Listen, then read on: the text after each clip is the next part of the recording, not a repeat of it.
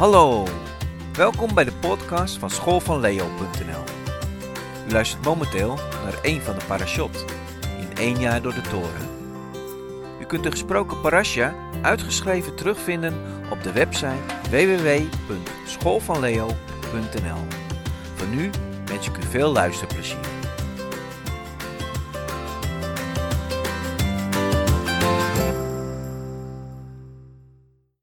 Deze week wordt Parasha Beha'alotecha behandeld.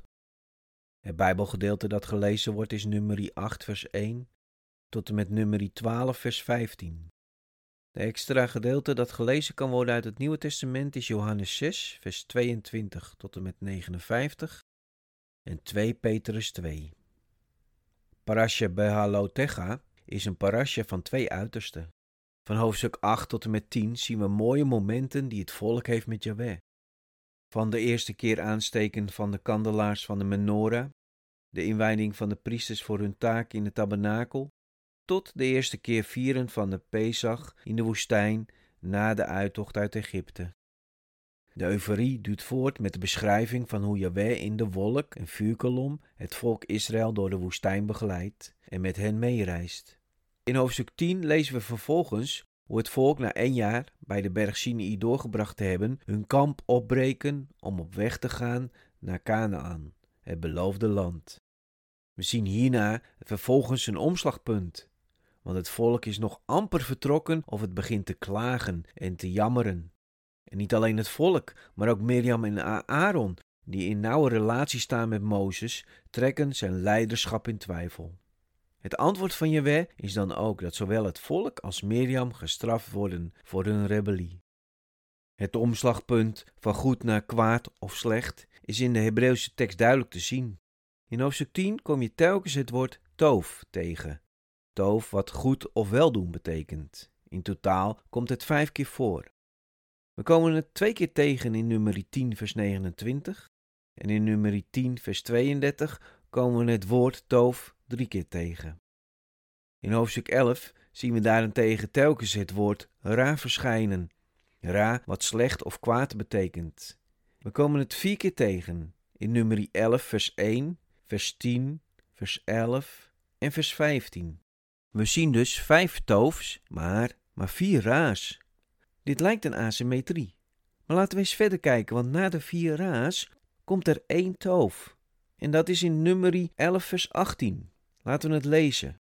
Maar tot het volk zult gij, Mozes, zeggen: Heiligt u tegen morgen, dan zult gij vlees eten. Gij hebt immers ten aanhoren des Heren gejammerd. Wie zal ons vlees te eten geven? We hadden het zo goed in Egypte. De Heere zal u vlees geven, en gij zult eten.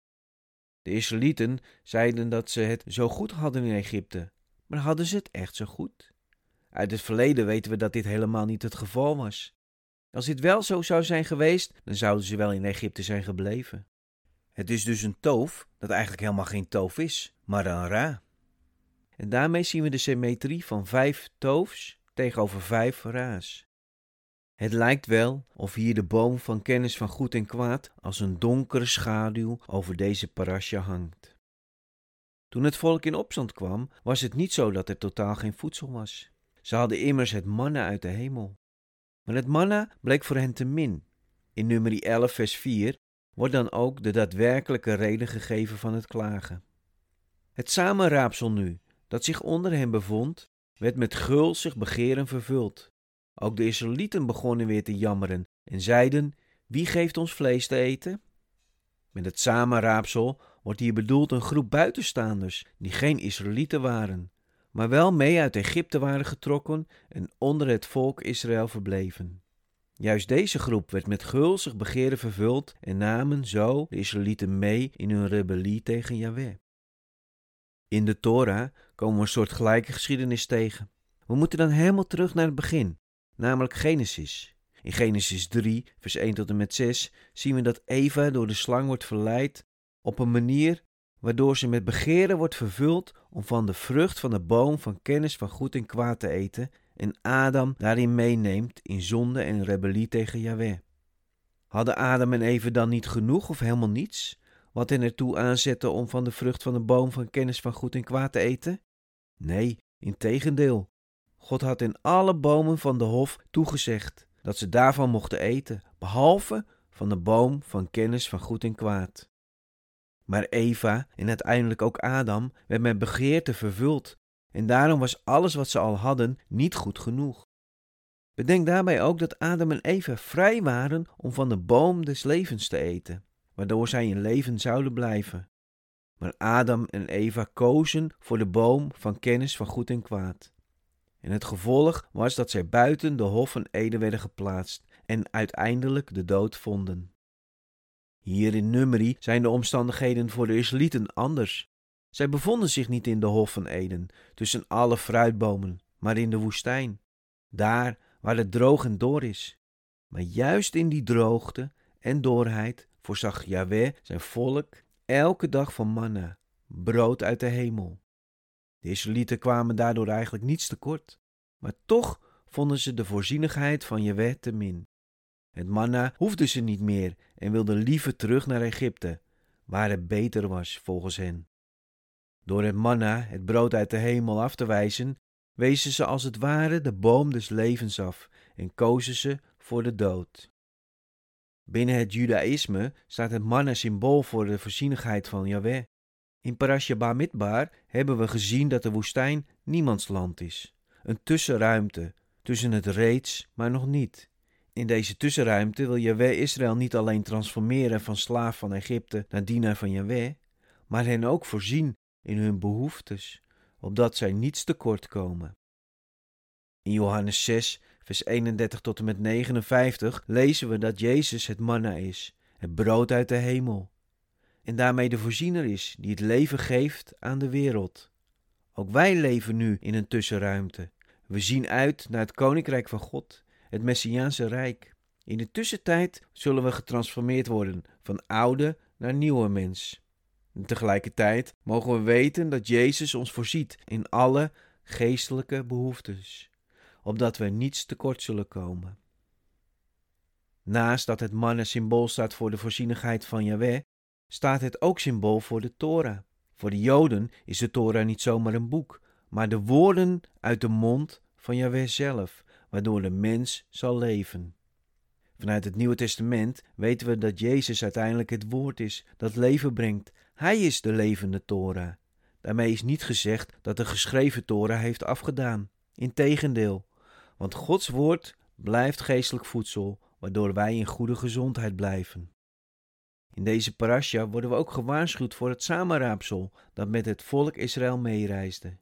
Zij vormden namelijk het gevaar waardoor een deel van de Israëlieten werden meegenomen in het gejammer en geklaag.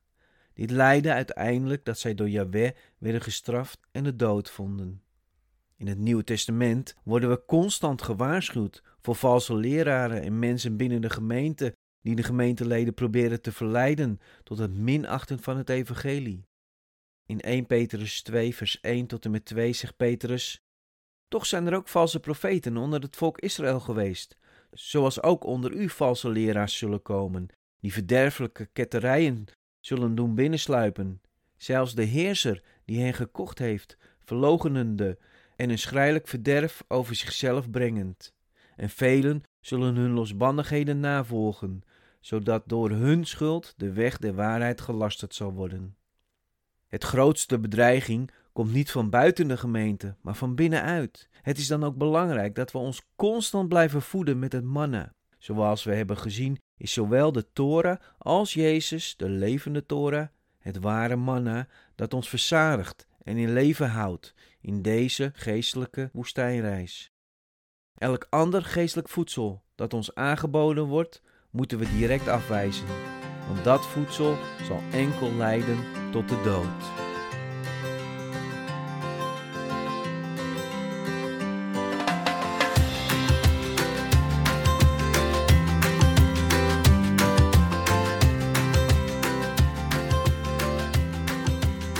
Bedankt voor het luisteren naar de podcast schoolvanleo.nl. Wilt u meer Bijbelsonderwijs vanuit het Hebreeuws denken?